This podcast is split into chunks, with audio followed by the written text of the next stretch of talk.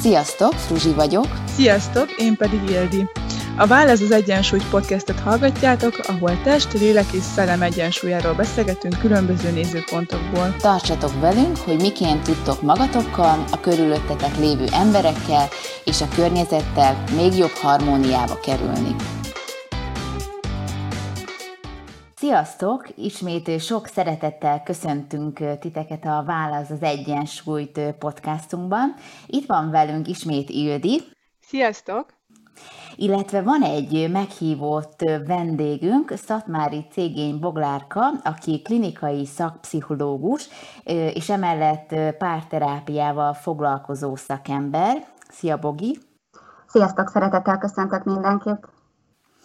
És a mai adásban pedig arról fogunk beszélgetni, hogy mi kell ahhoz, hogy a párkapcsolatunkban is megtaláljuk az egyensúlyt. És az lenne az első kérdésünk, vagy kérésünk, Bogi, hogy mutatkozz be, kérlek. Ahogy már fel is vezetted, Fruzsi Szatmári Cégényi Boglárka vagyok, klinikai szakpszichológus. Az elmúlt hét évenben főállásban pedagógiai szakszolgálatnál dolgoztam, ami azt jelentette, hogy a nullától egészen a 23 éves korig foglalkoztam gyerekekkel, illetve fiatalokkal és az ő családjaikkal, és így a család, illetve párterápiás irányzathoz is így kerültem közelebb, és idén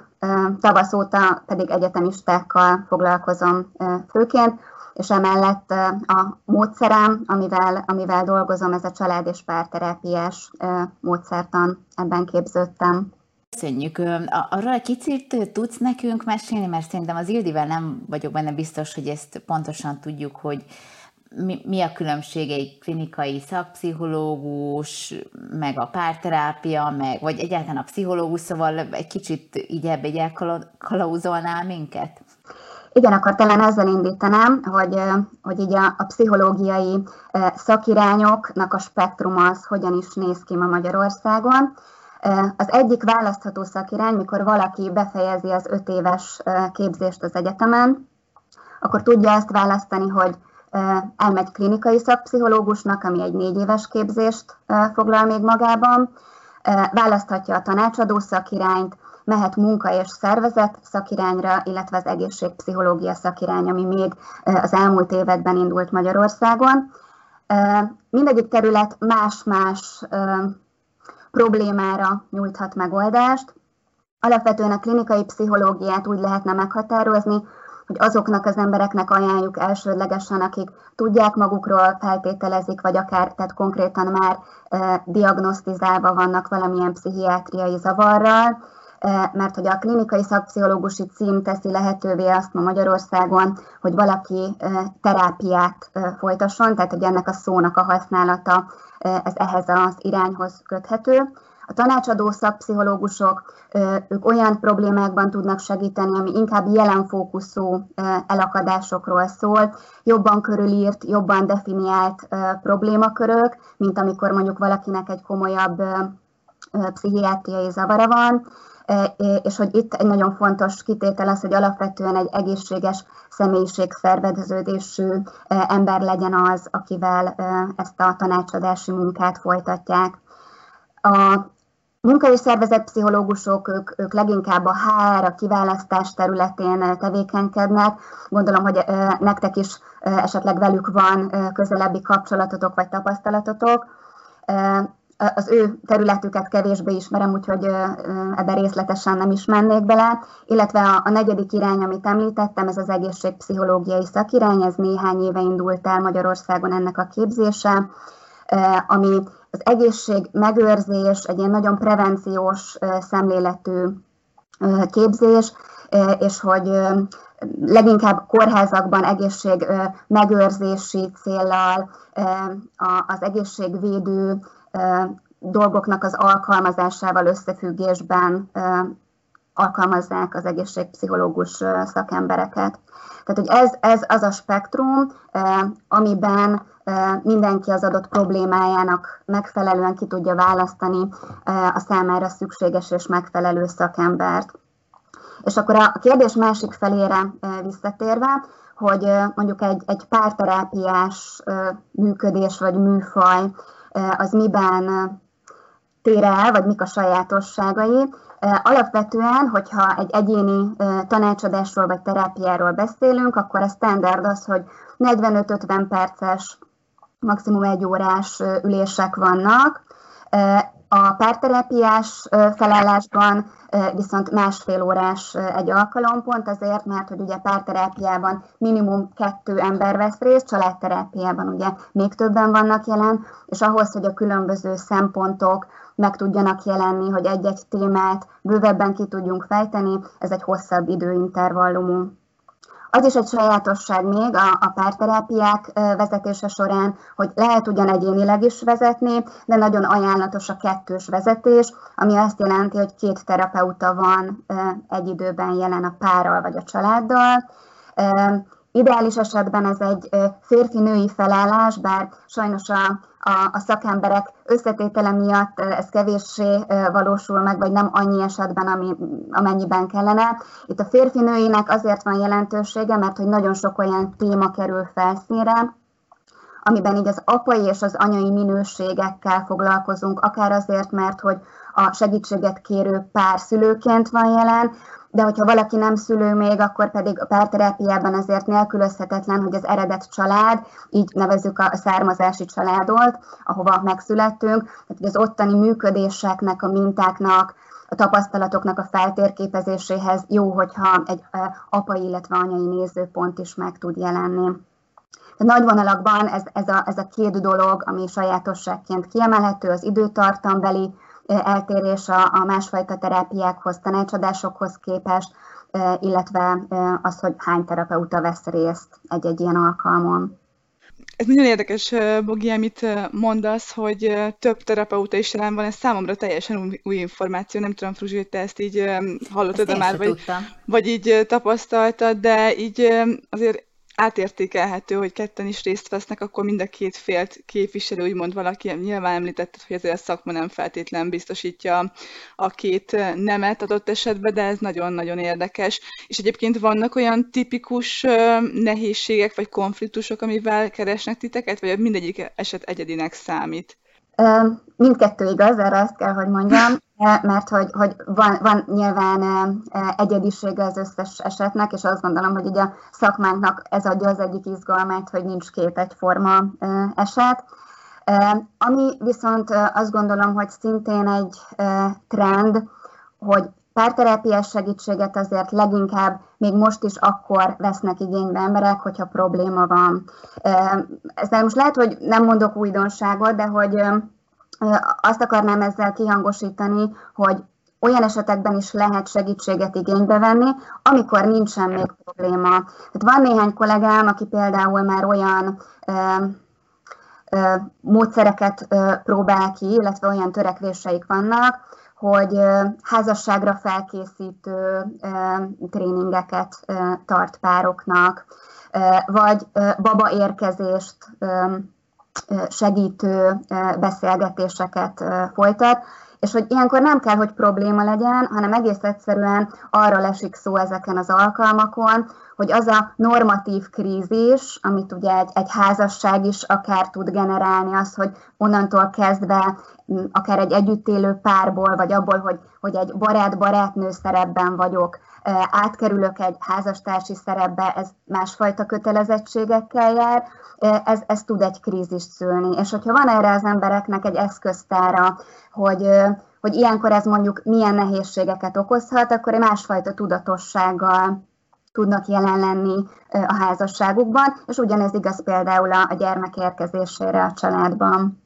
Akkor ez lényegében mint egy ilyen prevenciós eszköz működik. Én erről se hallottam még, lehet, Én hogy le vagyok maradva ezekről a dolgokról, és erre egyébként mennyire nyitottak az emberek? Mi a tapasztalat? Mm, azt tapasztalom, hogy ez kevésbé még, tehát hogy, mm-hmm. hogy azért továbbra is az a közvélekedés, legalábbis így az én szűrőmön keresztül,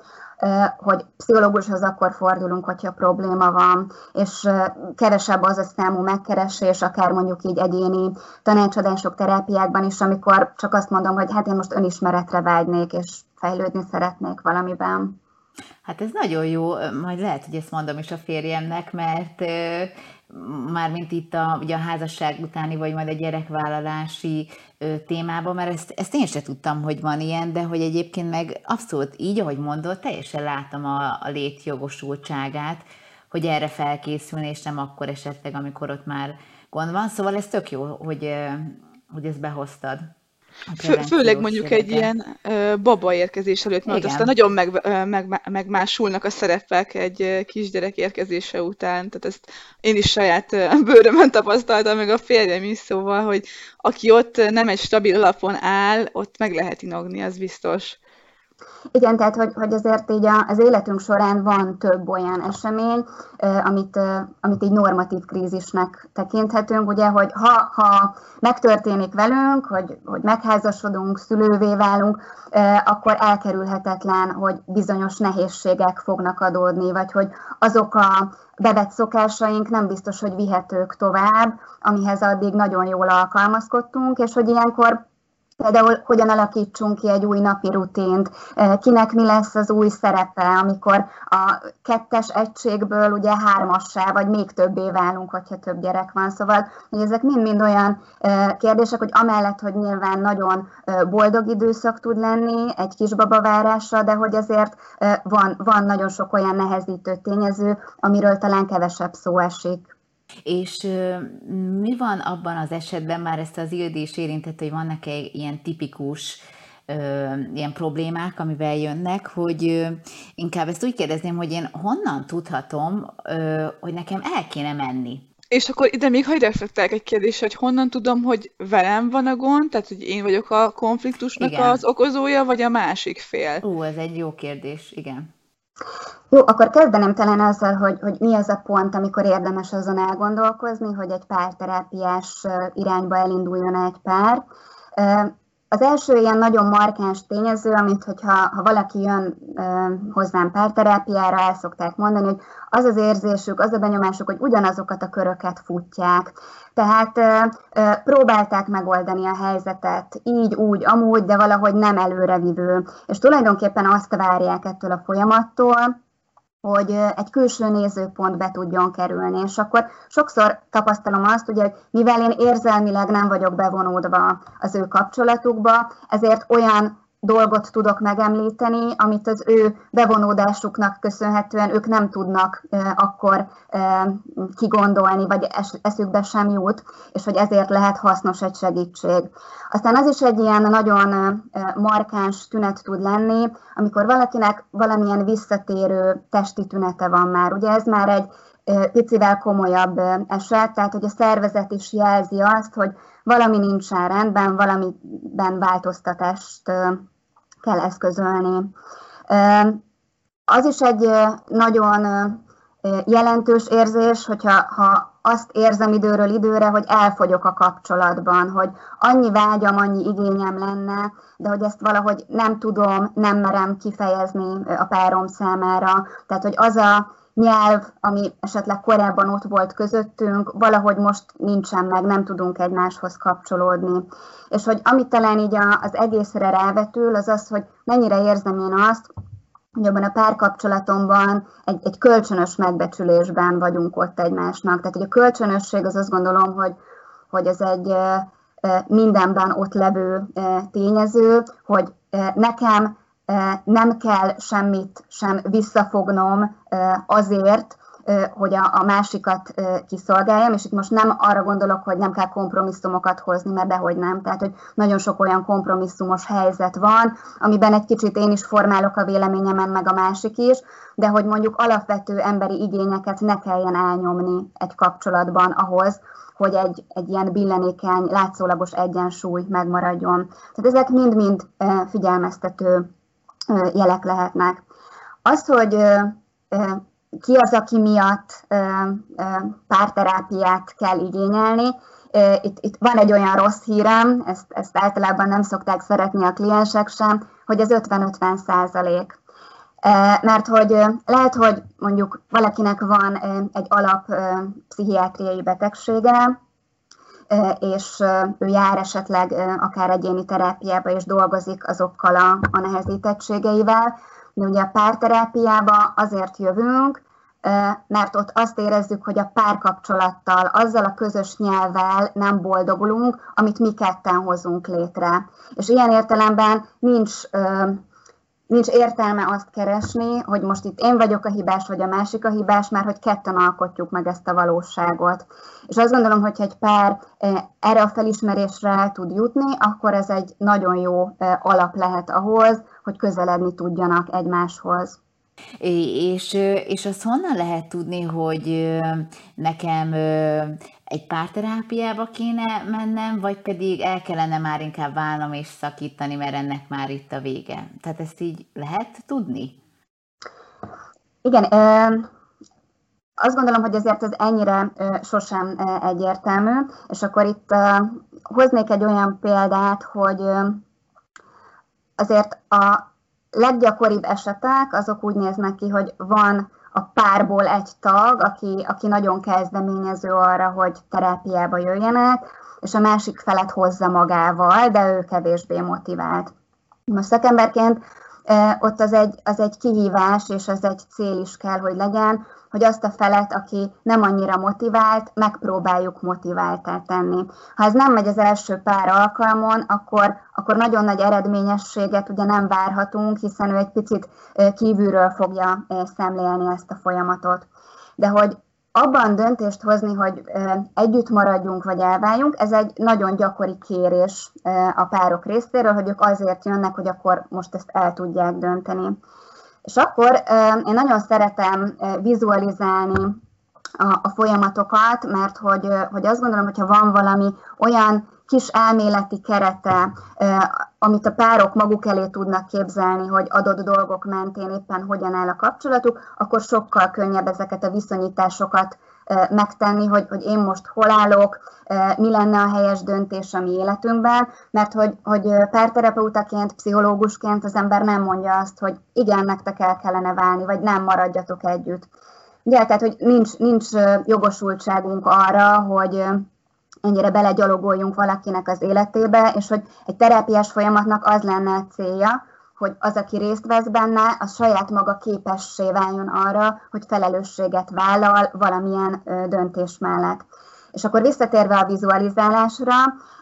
én Sternbergnek ezt a háromszög elméletét szoktam erre használni, aminek három összetevője van. És azt mondja ez a Sternberg, hogy ha ez a három megvan, akkor él valaki teljes párkapcsolatban, akkor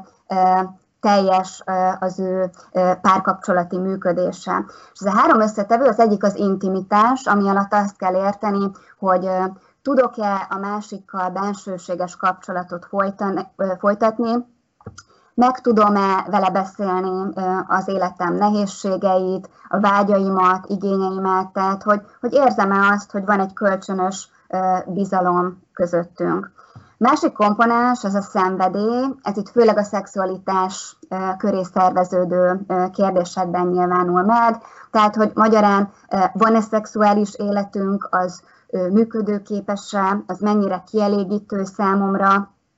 mennyiben vagyunk ebben egymásra hangolódva, és a harmadik komponens az pedig az elköteleződés, tehát hogy tudok-e, merek-e felelősséget vállalni a kapcsolatomban. Tudom-e azokat az ígéreteket, amiket a másiknak tettem, és nyilván a reális ígéretekről beszélünk, nem a, azt, hogy most én azt ígérem, hogy örökké együtt leszünk, mert ugye ezt, ezt nem ígérhetjük meg senkinek, de hogy, hogy az elköteleződés, a felelősségvállalás az meg tud-e jelenni a kapcsolatban, ez a harmadik összetevő. És hogyha ezen a gondolatmeneten végigmegy egy pár, akkor azt gondolom, hogy az nagy segítséget tud nyújtani abban, hogy meg tudják ítélni, hogy, hogy hol állnak ők abban, hogy ha valamelyik rész hiányzik, akkor ez mondjuk mennyire visszahozható, mennyire fejleszthető. Mert ugye azért gyakran tapasztaljuk azt, főleg hosszú időtartamú kapcsolatoknál, hogy, hogy a szexualitás az nem feltétlenül olyan intenzitású, mint egy kezdeti szakaszban a párkapcsolat elején. De hogy azt is fontos ilyenkor edukációs célral elmondani, hogy hát ez teljesen normális dolog, hogy mondjuk valaki egy szülés után nem, nem ugyanazt fogja nyújtani átmenetileg legalábbis biztosan, és hogy, hogy erre is, ugye itt visszakanyarodunk a, a kiindulási témánkhoz, hogy ha erre van egy felkészítés mindkét fél részére,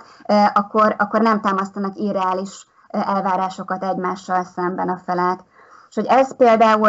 ez a Sternbergi három pont, ez, ez úgy veszem észre, hogy nagy segítséget tud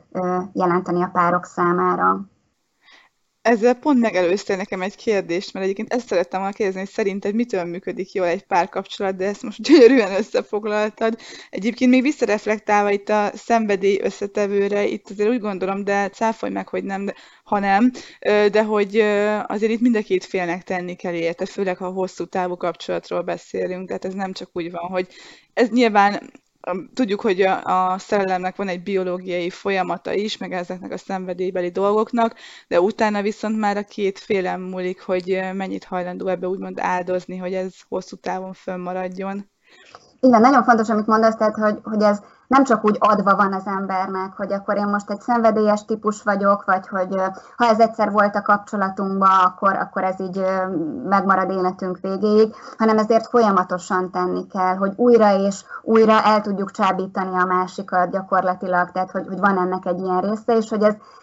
úgy, ahogy mondtam, hogy ha párkapcsolati nehézség van, az ugyanúgy 50-50 százalék, hát ez is hogy mennyire veszem észre a másiknak a jelzéseit, hogyha neki igénye lenne rám, és hogy mennyire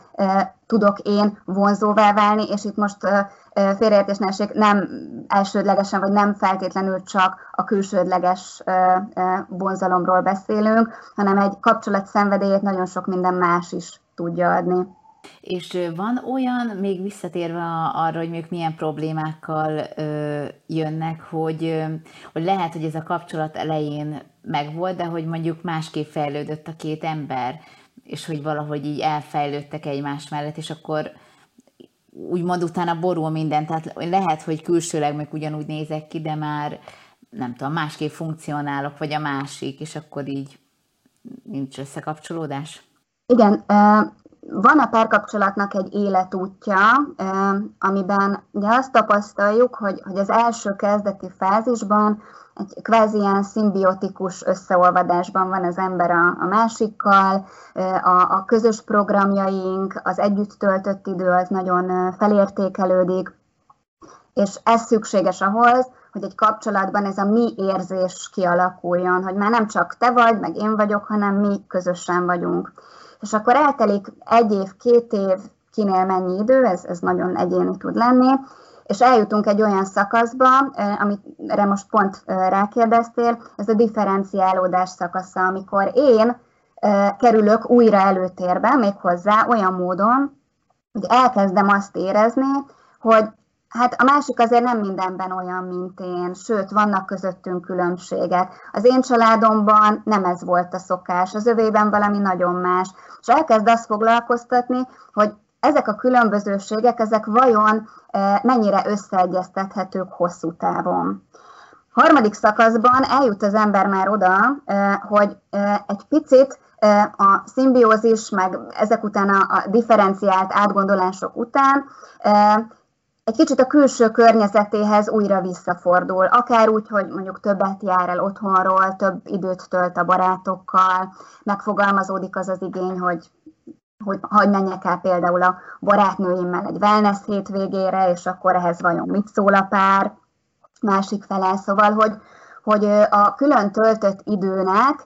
újra nagyobb szerepe lesz. És hogy ez az a legérzékenyebb időszak, amikor a legtöbb vállásra vagy megcsalásra sor kerül ebben az időszakban, és ez annak tudható be, hogy ha a pár nem töltött elég időt ebben a kezdeti szimbiotikus szakaszban, nem ágyazott meg a kapcsolatnak, akkor bizony ezen a ponton könnyen félresiklik. Ha viszont nem, tehát hogy van egy stabil alap, van egy stabil kapcsolódás, akkor ezt a gyakorlási szakaszt, amikor külön-külön van a pár a, a saját barátaival, vagy akár a munkatársakkal szervez programot. Ha ezen túljut, akkor újra el lehet jutni egy ilyen újra közeledési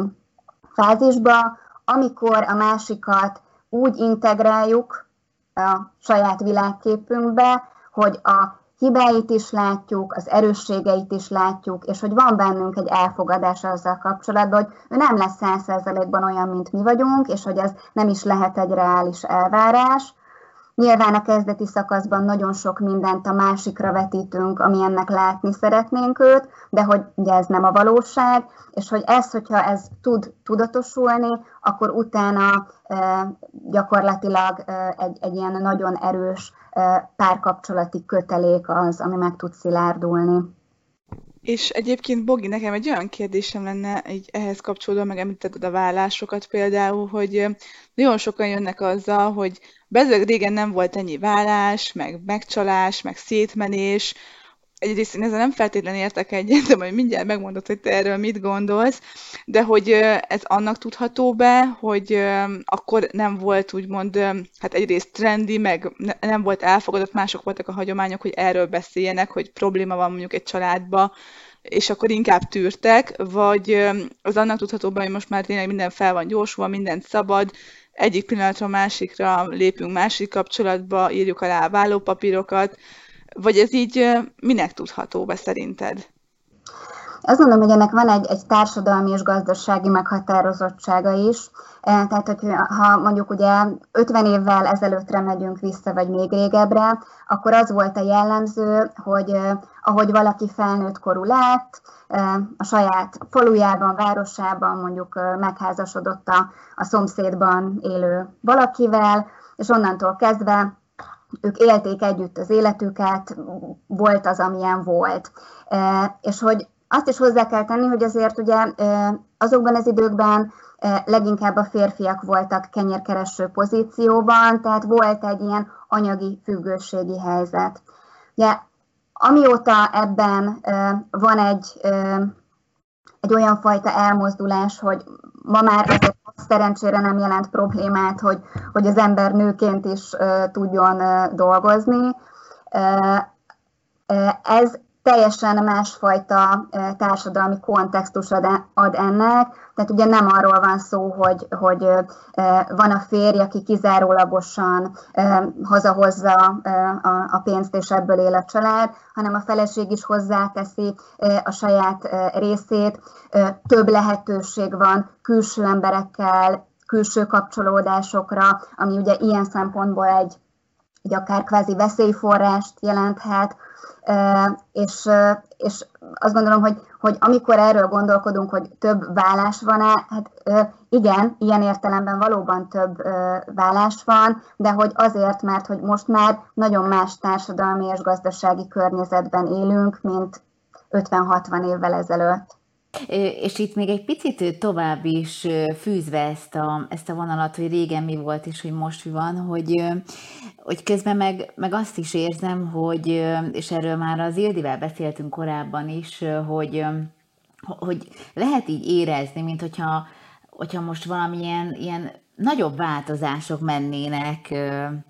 végbe, mármint ilyen, tehát hogy a, ilyen régi rendszerek nem működtek, vagy, a, vagy, vagy hogy nem működnek, vagy hogy próbáljuk erőltetni például azt, hogy minden, nem tudom, lánynak 24 éves koráig meg kell házasodnia, és akkor a gyerekek jöjjenek, és akkor így kell csinálni egészen 65 éves korunkig, amíg nyugdíjba megyünk, és hogy ezek a rendszerek, vagy ezek a normák most valahogy úgy már nem működnek, mert mi van, hogyha én nem szeretnék gyereket, vagy mi van, hogyha én mondjuk a lányokhoz vonzódom, vagy a fiúkhoz is meg a lányokhoz is vonzódom, és effektív nem lesz mondjuk úgy férjem, vagy szóval, hogy annyi, annyi minden van, nem ezzel, hogy így hogy így kitágult, és hogy ez a régi, meg ez az új norma így még így küzd egymással, meg mi is magunkkal, és ez nem tudom, csak gondolom, hogy ez viszont egy elég erős feszültségforrás is lehet. Igen, hogy uh, itt azt gondolom, hogy, hogy ez, egy, ez egy fontos dolog, hogy, hogy az ember hol tart az ő saját egyéni önismeretében, mennyire tudatosította már azokat a családi mintákat, amik ha akarjuk, ha nem, de hatnak ránk. de az, hogy mit kezdünk vele, hogyan értékelünk egy olyan üzenetet, amikor mondjuk azt halljuk otthonról, hogy már pedig 25 éves korodig neked férhez kell menned, vagy meg kell nősülnöd, abban már van egy egyéni döntési szabadságunk. És sokszor ezt nehéz felismerni. A másik, amit mondasz, az pedig azt gondolom, hogy Mára annyiféle párkapcsolati típus, együttélési forma és lehetőség van, hogy néha nehéz is ezt valóban átlátni, hogy, hogy, hogy éppen mondjuk ki milyen státuszban van, ki hogyan, hogyan definiálja magát, akár itt szexuális orientáció kérdésekben is ugye nagyon változatos az a, az a paletta, hogy most valaki milyen érdeklődésű, hogy hetero, homo, biszexuális, queer, minek tartja éppen magát, és hogy, hogy szakemberként is én azt gondolom, hogy ezért ez nagyon fontos, hogy fel legyünk készülve arra, hogy valami olyan párkapcsolati berendezkedéssel találkozunk, amivel nem biztos, hogy, hogy korábban volt tapasztalatunk. Tehát, hogy mostanában, ami egy nagyon terjedőben lévő jelenség a poliamória jelensége, és én is az utóbbi időben néztem utána annak, hogy tulajdonképpen ez mit is takar, amikor egy ember egyidejűleg több mindenkibe is szerelmes, több mindenkivel is folytat intim viszonyt, viszont a felek előtt ez nyílt, és, és mindenki tud egymásról. Tehát, hogy, hogy azért ez így az elmúlt években lett artikulálva, hogy egyébként létezik már egy ilyen irányzat is. Úgyhogy de azt gondolom, hogy, hogy az, hogy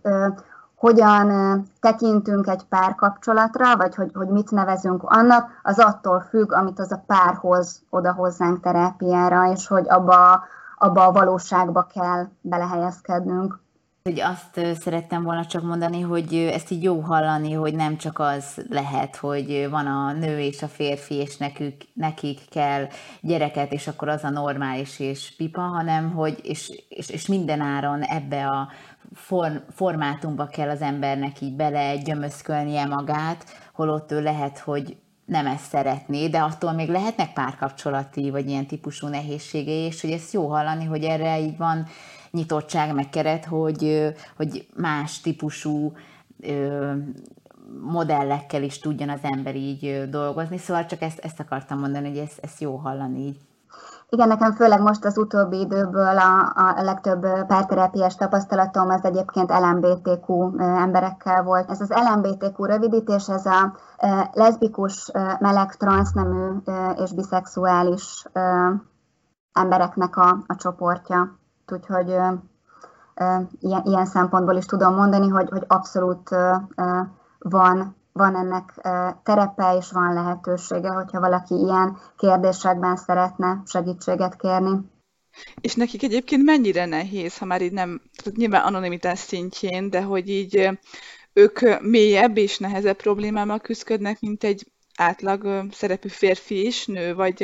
tehát arra lennék kíváncsi, hogy társadalmilag azért még hiába vannak kezdeményezések, de még én azt érzem, hogy mindig nem annyira elfogadottak ezek a dolgok, hogy ezzel kapcsolatban hogy mi a tapasztalat? Igen, én azt gondolom, hogy, hogy problémák terén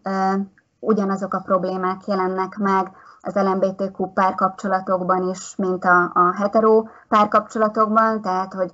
tematikában e, ebben nincsen eltérés. Az ő helyzetüket azt gondolom, hogy az viszont nagyban nehezíti, hogy ennek a társadalmi megítélése az, az, az sok nehézséget ró pluszban rájuk. És egyébként Bogi így általánosságban adott helyzetben, ha mondjuk van egy pár, aki fölismeri, hogy van valamilyen problémája, amin szeretne dolgozni, de mondjuk még nem érett meg rá, hogy felkeressen egy terapeutát, vagy egy pszichológust, vagy bármit. Nekik így mit javasolná, hogy mit tudnak ők így hát pár szinten tenni azért, hogy jobb legyen az ő helyzetük, vagy valamilyen javulást érjenek el? Hát ez, ez nagyon attól függ, azt gondolom, hogy a pár éppen milyen szakaszában van a kapcsolatnak, mert hogy nagyon nem mindegy, hogy ez egy már a kezdetekkor megjelenő nehézség, mert ugye akkor ezért nagy valószínűséggel mondhatjuk azt, hogy, hogy így a a, a hosszú távú párkapcsolat kialakítása az, az igencsak nehezített lesz, de hogyha mondjuk valakinél több év után, sok év után jelentkeznek a problémák, akkor azt szoktuk például a kollégáimmal javasolni, hogy, hogy ez a párkapcsolati mi időnek a megteremtése, mert hogy ugye nagyon sokat olvasunk mostanában, hogy legyen én időd, foglalkozz magaddal, mert ugyanezt szükséges egy párkapcsolat működtetésekor is, hogy bármennyire is nehezek a hétköznapok, zsúfoltak,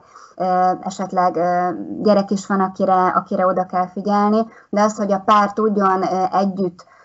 felnőtt felnőttként és nem szülőként találkozni egymással, az nagyon fontos.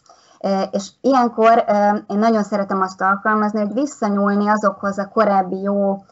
emlékeikhez, élményeikhez, amit közösen átéltek. Mert sokan számolnak be arról, hogyha egy picit azt a randi környezetet például visszahozzák, ami az ismerkedésük kezdetén volt, szerveznek újra ilyen programokat, vagy egyáltalán már csak annak van kerete, hogy, hogy egy héten mi az az időszak, amikor tudnak arra időt szenni, hogy beszélgessenek egymásról egymással, akkor ez már egy nagy felszabadító erővel tudhatni. És hogy továbbra is azt gondolom, hogy, hogy egy, egy kiegyenlített kötelezettségvállalás a kapcsolatban az nagyon meg tudja könnyíteni azt, hogy, hogy a felek a különböző sérelmeket és a hiányokat kevésbé nagy volumennel éljék meg. Itt nyilván azért elsődlegesen így az egészséges személyiségszerveződésű emberekre gondolok, mert hogy vannak olyan klinikai zavarok, korképek, pszichés értelemben, ahol ez a fajta egymásra hangolódás az egy ilyen alapsérülékenység miatt nehezebb. Re tudnál egy példát mondani? Például milyen ilyen lehet? Igen, szintén nagy szakirodalma van, és mostanában egyre divatosabb kifejezésé válik így a, a köznyelvben is. Például egy borderline személyiség zavarral diagnosztizált ember. Nála az ő esetében azt tudható, hogy így a kapcsolatok kiépítésével, fenntartásával, működtetésével vannak nehézségek. És hogy ők az érzelmi életüket nagy amplitúdok között élik, nagyon könnyen kerülnek, nagyon lelkes, nagyon intenzív, nagyon szerelmes állapotba, aztán utána a következő nap lehet, hogy pont ennek az ellenkezőjét élik meg. És hogy az ilyenfajta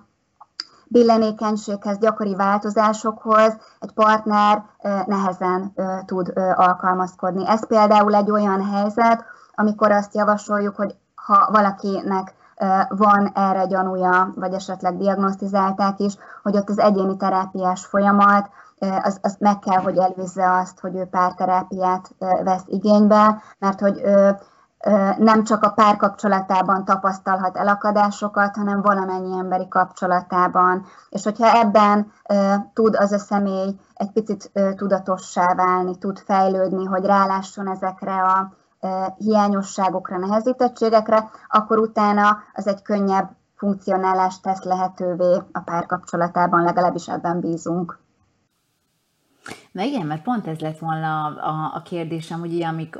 hogy ugye mit tudunk tenni, hogyha ö, problémánk van, és ugye az, az, az, ha jól értem, az a, az alapfeltételezés, hogy mind a ketten egyébként egészséges ö, ö, lelki állapotban vagyunk, felnőtt, ö, nem tudom, mintákkal, vagy már felnőtt személyiséggel, és akkor úgy hozunk meg ilyen döntéseket. De akkor, ha jól értem, meg ezt én is látom a környezetemben, hogy van, vagy na, inkább azt mondom, hogy úgy tűnik, mert nyilván nem abban a kapcsolatban vagyok, de hogy úgy tűnik, hogy mondjuk esetleg az egyik félnek van valamilyen, nem tudom, hogy ezt, ezt, ezt hogy kell jól mondani, de hogy nem teljesen egészséges lelki világgal, most nem azt mondom, hogy pszichopata, mert tehát ne, ne értsétek félre, de hogy, hogy valami nem stimmel nála. Most, most csak olyat mondok, amit én látok, mondjuk külsőleg, hogy meg nagyon agresszív, vagy mondjuk azt, hogy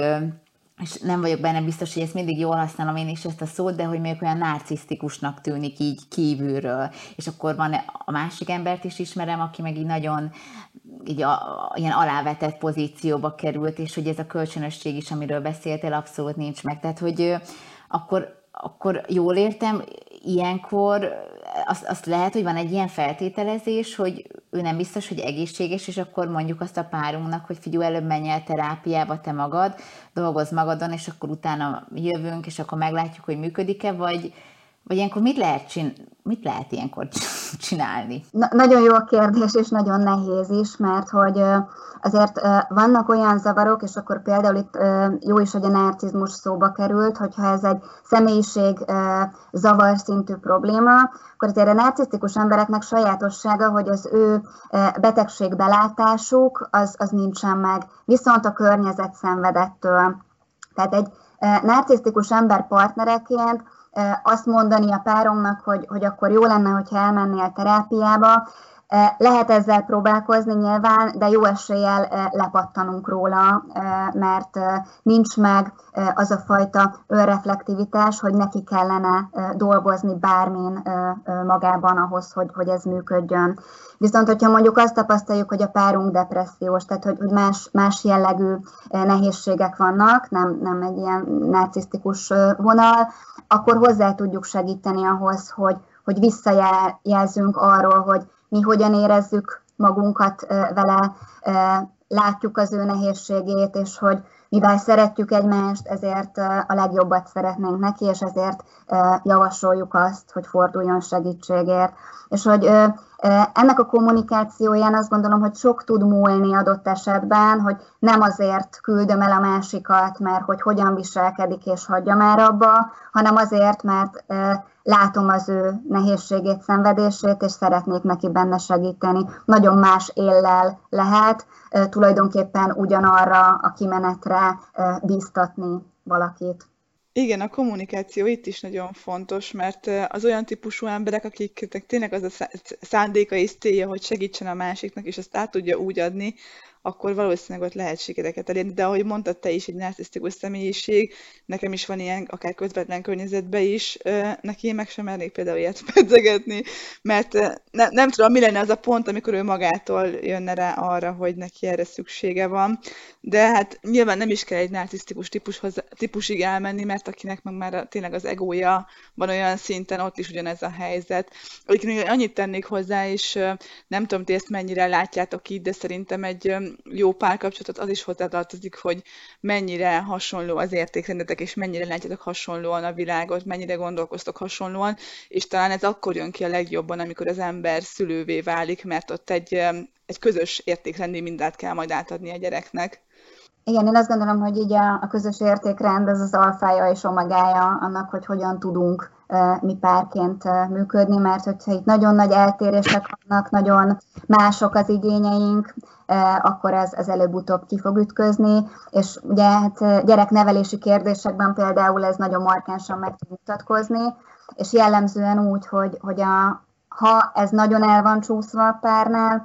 akkor a gyerek hoz valami tünetet, és mondjuk ő kerül el pszichológushoz, és akkor kiderül az, hogy ja, hát mondjuk itt az a gond, hogy apa ezt mondja, anya azt mondja, nincs ebben összhang közöttük, és hogy a gyerek egy ilyen köztes térben marad, és olyankor mondjuk nagyon nagy szerepe van annak, hogy, hogy egy szülőkonzultációval, vagy konzultáció sorozattal tudjuk segíteni ezt a családot, hogy mit, mit tudnak ennek érdekében tenni, vagy hogy hol látják azt, hogy közös nevezőre tudnak jutni. Én még behozhatnék egy másik témát, ami nem tudom, hogy mennyire szélsőséges. Én nagyon szeretném azt hinni, hogy nem, bár sajnos a statisztikák nem ezt mutatják, hogy a családon belüli erőszakot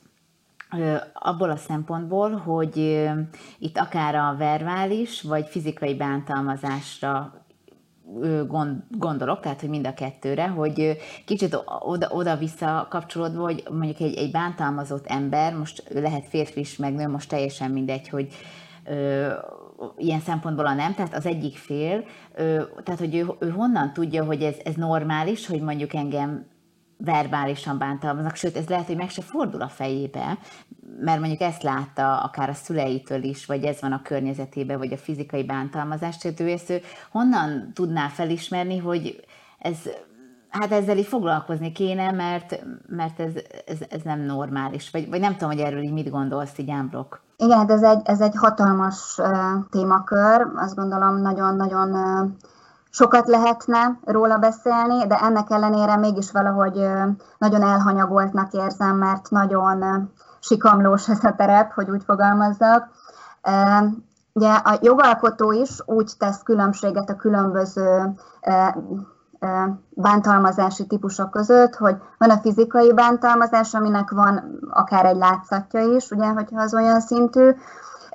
de hogy van az érzelmi bántalmazás, ami egy nagyon nehezen megfogható kategória, hogy honnan is indul az. És akkor van ennek egy olyan alegysége is, amiben az elhanyagolást is ennek tekintjük, tehát főleg gyerekekkel van ilyen tapasztalatom, ahol, ahol mondjuk az ő érzelmi és fizikai szükségleteinek nem megfelelő bánásmódot kap. Ez is egy szülői bántalmazási típus például. De most egy picit visszakanyarodva a kifejezetten párkapcsolati bántalmazásra, ez valóban így van, hogy valaki, hogyha áldozat szerepben van,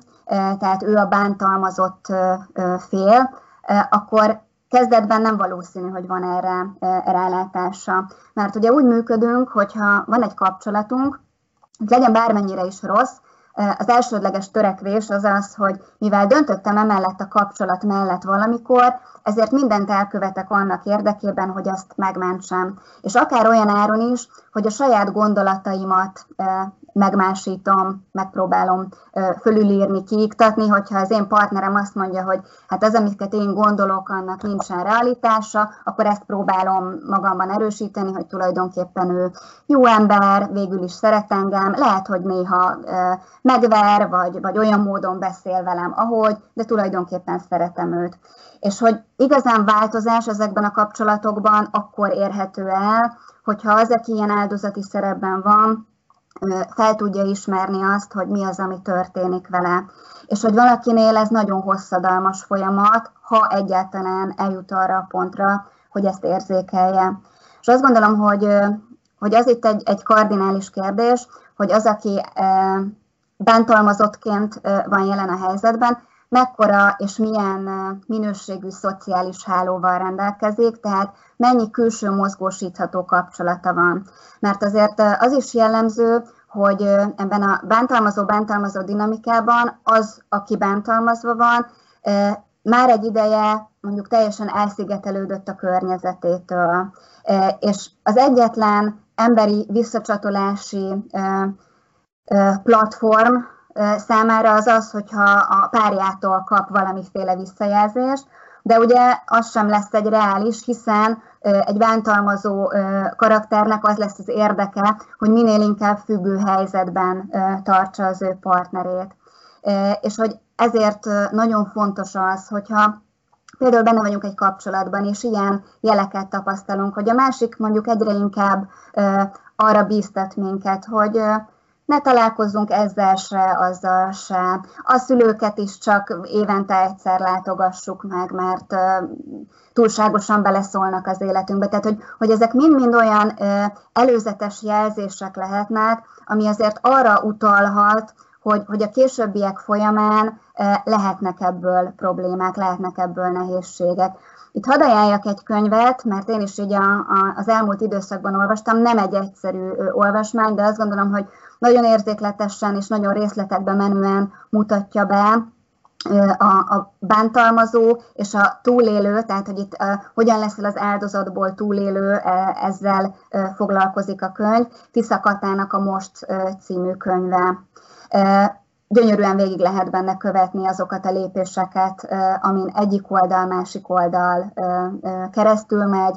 azokkal az üzenetekkel, ami ilyenkor a környezetből szokott érkezni, Szóval tényleg jó szívvel ajánlom laikusoknak is. Én, én arra lennék még kíváncsi, hogy én többször hallottam, láttam már olyat a környezetemben, a tágabb környezetemben, szerencsére csak, hogy egy bántalmazott típusú ember folyamatosan ilyen típusú kapcsolatokba kerül be. Tehát miután kiszabadul egyből, jön a következő, hogy ez ilyenkor Minek köszönhető egyrészt, tehát hogy ez valami minta, amit hoz régebről, vagy ilyen tudatalatti berögződés, hogy neki, hogy ő nem érdemli meg azt, hogy ő bekerülhessen egy olyan kapcsolatba, ahol igenis tisztelik őt és emberként bánnak vele, illetve ha, ha megvan az ok, akkor hogyan lehet ebből így kilépni, úgyhogy a következő már ne ilyen legyen. Így van, itt a, az önismeretnek azt gondolom, hogy, hogy annak van leginkább kulcs szerepe ebben, mert ahogy mondod is, itt valóban arról van szó, hogy korábbi minták ismétlődnek, hogyha én kilépek egy kapcsolatból, és utána rögtön kezdek egy újat, és azt várom, hogy ez a másik ember majd engem megment, akkor ugyanúgy jó eséllyel csalódni fogok, mert gyakorlatilag már kezdet-kezdetén lefektetem azt a szabályt, hogy a másik az én megmentőm, tehát saját magam fölé helyezem a kapcsolatban.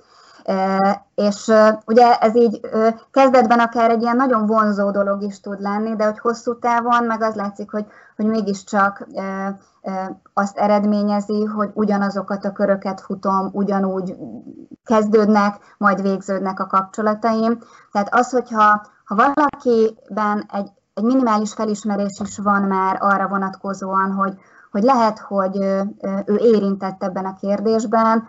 akkor javaslom azt, hogy, hogy egyéni terápiás segítséget vegyen igénybe, ahol rá tud nézni azokra a korábbi családi mintákra, az ő korábbi tapasztalataira, mit hoz otthonról, milyen üzeneteket kapott az életében, hogy ki tudjon alakulni egy, egy olyan fajta új személyisége, amiben megerősödve tud jelen lenni a kapcsolataiban, és itt a megerősödés azt jelenti, hogy nem fogadok el minden helyzetet, nem vetem alá magamat mindenben a másiknak, hanem merem azt mondani, hogy nekem például mire lenne szükségem. Annyira érdekes, van egy ismerősöm, aki hál' Istennek, vagy nem tudom, hogy ez mi a jó, jó szó itt, ő, őt fizikailag nem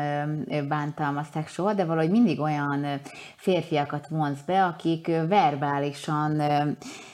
Hát számomra ez bántalmazás, számára ez a normális, mert hogy mindegy, a, az apukája is ilyen volt, és az összes pasia ö, olyan volt, aki hát tényleg minősíthetetlen stílusba beszélt vele, és most is egyébként egy ilyen kapcsolatban van. És amikor így erről beszélgettünk, így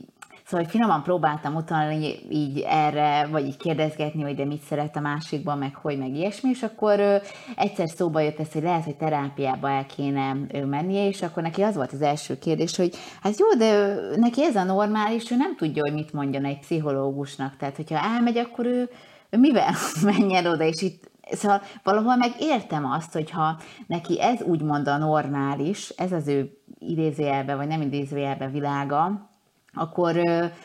akkor amíg nincs meg az a tudatosság, ő hiába megy el akár mondjuk egy pszichológushoz, nem tudom, hogy ezen így lehet-e akkor dolgozni, vagy meg kell várni mindenképpen, amíg valami tragédia történik. Igen, különbséget tennék abban a két szerepkörben, hogy valaki úgy van benne egy ilyen helyzetben, hogy ez még nem tudatosult számára, tehát hogy lehet, hogy látja mondjuk azokat az összefüggéseket, hogy igen, apám is ilyen volt, meg hogy jellemzően ilyen kapcsolataim voltak, de hogy, hogy az, hogy ő, ő áldozat lenne egy ilyen szerepben, az, az fel sem merül, mert hogy, hogy ilyenkor van valóban egy értetlenség azzal kapcsolatban, hogy hát miért is kéne, hogy én terápiába menjek. Akkor viszont, amikor egy, egy ilyen terápiás ajánlás a környezet részéről olyankor érkezik, amikor ő benne ez már tudatosult, és ő nem tesz további lépéseket, akkor ott viszont van egy olyan döntés, hogy oké, okay, rendben, ő tisztában van ezzel, és ennek ellenére dönt úgy, hogy benne marad egy kapcsolatban. Tehát még az első helyzet az olyan, amiben ennek az áldozati működésből fakadóan nincsen felelőssége, nem tud felelőssége lenni, hiszen nem lát rá a saját helyzetére, de onnantól kezdve, hogy valakiben ez tudatosul, onnantól kezdve, ha ő azt mondja, hogy nem, köszönöm szépen, nem kérek hozzá segítséget, akkor eddig a pontig lehet elmenni. Mert akkor innentől kezdve ő is benne van ebben a helyzetben, hogy neki ez valamiért mégiscsak megéri, és mégiscsak jó. Igen, valószínűleg az, ezen nekem kell dolgozni, hogy engem ez miért zavar hogyha, hogyha őt nem zavarja, na mindegy. Ez. Igen, és ehhez tudok kapcsolódni olyan értelemben, hogy, hogy, hogy ezt egy a képzésünkben nagyon sokat hangoztatták, és akkor még kevésbé értettem, aztán mióta elkezdtem dolgozni, nagyon is értem azt, hogy hogy nem tudunk mindenkit megmenteni. És hogy ezt nekem gyerekekkel való munka során volt sokszor nagyon nehéz lenyelni, és megérteni, vagy megtapasztalni azt, hogy, hogy az én kezem elér egy bizonyos pontig, de onnantól kezdve egy rendszer szintű összefogásra lenne szükség, tehát hogy nem tudok egyedül mindent elvinni a vállamon és megoldani, és hogy, hogy az embernek ez sokszor fájdalmas, hogy nagyon szívesen segítenék, de nincs meg rá az a lehetőségem már egy ponton túl. Igen, ez a ti szakmátokban talán a legnehezebb, mert ti ezt a nagyon sok mindent láttok, nagyon sok egyedi esetet, ahol, ahol tényleg nyilván, mivel a célotok, ez a munkátok, szeretnétek segíteni, de hát igen, az embernek meg van kötve a keze, de egyébként visszareflektálva még annyit mondanék, hogy végül is minden podcastunkból oda jutunk hogy az önismeret a kulcsa mindennek, de hogy itt is a, a párkapcsolatnak, meg a, a családi egyensúlynak egyaránt, tehát hogyha így rendben vagyunk magunkkal, meg így fölismerjük a kis hibáinkat, vagyis nem is hibáinkat, fejlesztendő területeinket, akkor talán könnyebb mindenféle problémával megküzdeni, legyen az az életnek bármilyen szegmense. Nekem meg lehet, bocsánat, mert ez egy szép zárás, csak még egy, egy, egy, egy kérdésem, amit tőlem is sokan kérdeznek, meg én sokszor felteszem magamnak ezt a kérdést, de nem tudom úgy rá, vagy na, biztos, hogy sok jó válasz van, de hogy, hogy szerinted miért félnek az emberek ennyire így az önismerettől, vagy ettől az önismereti munkától? Azt gondolom alapvetően, mert hogy egyrészt Tapasztalom azért azt is, mikor valaki eljön pszichológushoz, hogy sok tévképzet van még mindig arról, hogy mi az, ami történik egy ilyen terápiás munkában, vagy egy tanácsadás során. És akkor, amikor valaki ezt, ezt már így megtapasztalja, hogy hát tulajdonképpen ez nem, nem egy ördögtől való dolog, a túloldalon is egy ember ül velem szembe,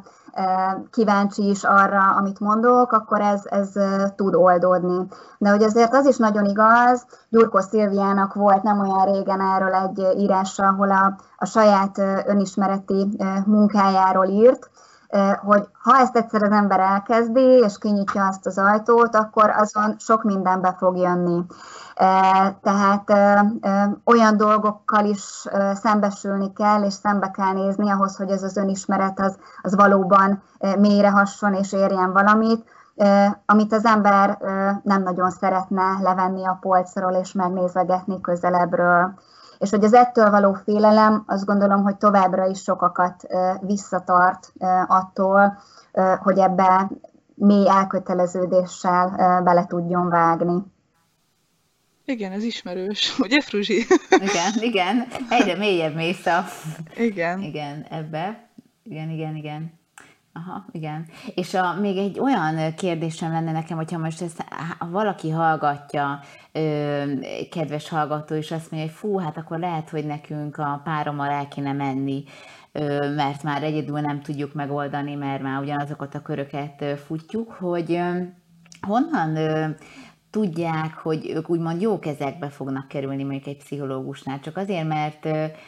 hál' Istennek nem sok, de azért pár, pár ilyen történetet én is hallottam, hogy nem volt jó a, a terapeutával a munka, vagy,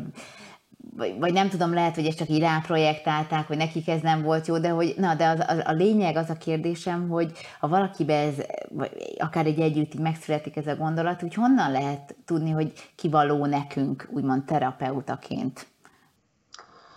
Azt gondolom, hogy erre egy univerzális válasz nincsen, vagy legalábbis én nem tudnék erre adni. Én ezt úgy szoktam áthidalni a klienseimmel való munka során, hogy az első alkalom végén döntünk arról, hogy tudunk-e mi a továbbiakban együtt dolgozni, érzik-e azt, hogy szívesen visszatérnének, vagy azt gondolják, hogy, hogy nekik valamilyen más típusú szakemberre, segítségre, vagy egy más emberre lenne szükségük. Tehát, hogy ha már ugye párkapcsolat a témánk, én azt gondolom, hogy a kémia itt is nagyon működik. Tehát bemegyek valahova, azt érzem magamon, hogy ott most jól érzem magamat, az nekem komfortos, szimpatikusak-e azok az emberek, akik ott ülnek, vagy nem. Vagy azt, azt gondolom, hogy, hogy akár olyan személyes érintettség okán is, hogy mondjuk az egyik terapeuta nagyon hasonlít valamelyik rokonomra, akivel olyan feldolgozatlan sérelmeim vannak, ami, ami megnehezíteni a hozzávaló kapcsolódást, tehát itt ilyen dolgokra is lehet gondolni. Mm, az már egy izgalmasabb kérdés ilyen szempontból, hogy hogyha mondjuk valakivel van egy aktív terápiás folyamat, és ott érzi a pár egy bizonyos ponton, hogy na, eddig szimpatikusak voltak a terapeuták, most már viszont nem, mert akkor ott az inkább szól arról, hogy rátapintottak valami olyan lényeges dologra, ami annak az embernek nehezebb, nehezebb tudatosítani, nehezebb bele dolgozni. Tehát hogy azt gondolom, hogy, hogy itt, itt van, egy, van egy különbség abban, hogyha az ember ezt mondjuk a kezdetén érzi egy, egy terápiának, hogy nincs bizalma, nem szívesen jönne vissza, akkor az egy, az egy jelzés arra nézve, hogy nem biztos, hogy a számára ideális szakembert választotta. Ha viszont ez menet kezdve következik be, akkor azt gondolom, hogy ez már inkább a, a terápiának a hozadéka, annak a témának, amiben az az adott ember érintett. Uh-huh, köszönöm. Ez, tök jó. Tehát akkor próbáljuk, menjünk el, nem baj akkor, hogyha esetleg nem szimpatikus, tehát hogy nem házasodni megyünk oda, vagy hogy mondjam, tehát akkor esetleg kipróbálhatunk mást is, tehát úgymond akkor van ebbe is szabadság. Abszolút, tehát én, én azt gondolom, hogy, hogy úgy, hogy az ember magára erőltet e, e, valakit vagy valamit, e, amiről mástól hallotta, hogy jó, szóval ez, ez, ez így nem működik, mert hogy e, egy, egy jól működő terápiás kapcsolatnak az alapja szintén, és akkor itt megint csak a párkapcsolatokra utalnék vissza, szóval, hogy, hogy van, van egy kölcsönösség. Akármennyire is az egyik ember ott egy, egy professzionális szerepkörben van, de hogy semmiképpen nem arra akarok ráerősíteni, hogy, hogy én egy autoritás vagyok abban a kapcsolatban, és hogy a másik embernek mondom a dolgokat, hogy mit kellene, hogy csináljon, mert hogy ez így nem fog működni. Tehát, hogy az, hogy a, a mindketten alapvetően és elsődlegesen emberként ülünk ott a helyzetben. Én azt gondolom, hogy ez, ez egy nagyon fontos, kimondandó dolog ebben a, ebben a helyzetben. Jó, köszönjük. Jödi, neked van még bármi? Ö, nekem most nincs egyenlőre, köszönöm szépen. Tényleg köszönöm az egész beszélgetést, Bogi, hát ez nagyon felemelő volt, nagyon sok minden újat tanultam ma is, nagyon sok új információt kaptunk, úgyhogy remélem, hogy a kedves hallgatók is hasznosnak fogják ítélni ezt, a, ezt az adást. Részemről most nincs más, köszönöm szépen. Köszönöm, Bogi. Neked van bármi, amit, amiről még beszélnél, benned maradt? Köszönöm szépen egyrészt a lehetőséget, hogy ilyen fontos témában megkerestetek. Én azt gondolom, hogy nagyon sok részét tudtuk a párkapcsolati kérdéseknek érinteni, és örülök, hogyha tudtam olyat mondani, ami, ami új információ volt, vagy hasznosnak gondoltátok, és bízunk benne, hogy a hallgatók számára is hasznos lesz. Igen, én ebben biztos vagyok, hogy, hogy hasznos lesz, mert nagyon, tényleg nagyon jókat mondtál, és én még annyi mindent szeretnék kérdezni, de na mindegy, majd lehet, hogy csinálunk egy második részt, mert én meg azt érzem, hogy rengeteg kérdés marad bennem, de az akkor az az, az, az, az egy utolsó kérdésem van, hogy téged hol lehet megtalálni, hogyha valaki még szívesen felvenné veled a kapcsolatot? Alapvetően én hivatalosan nem, nem vagyok elérhető, dolgozom magán rendelésben is. Van egy honlap, amin van hozzám elérhetőség, ez a jelenvalóság.hu, viszont ez a következő évtől már nem lesz elérhető, úgyhogy a terveim között szerepel, hogy készítek valami olyan platformot, ahol lehet hozzám jelentkezni, akár e-mailben, akár, akár telefonon, úgyhogy ez még egy picit várat magára. Uh-huh, jó, nem baj, akkor berakjuk ezt, a, ezt az oldalt, a show notes-ba megtaláljátok, és akkor ott, hogyha van addig elérhetőség, akkor addig ott tudnak téged keresni. Hogyha minket szeretnétek keresni, felvenni velünk a kapcsolatot, akkor a válasz az Egyensúlyt Facebook oldalon elértek minket, illetve az infókukat válasz az egyensúly.hu e-mail címen és nyugodtan, ha van kérdésetek, kommentetek, akár Bogihoz is, hogyha lenne bármi olyan kérdés, ami így megfogalmazódott bennetek, de, de nem kaptatok rá választ, akár azt is nyugodtan küldjétek el, és akkor, akkor ennek utána járunk, hogy megnézzük, hogy mit tehetünk, és akkor két hét múlva pedig ismét érkezünk egy nagyon izgalmas, hasonlóan izgalmas témával. Köszönjük, hogy itt voltatok velünk, és sziasztok! Sziasztok! Sziasztok! Reméljük tetszett a Válasz az Egyensúly podcast adása. Ha igen, akkor értékeljétek, írjatok kommentet és osszátok meg az ismerőseitekkel.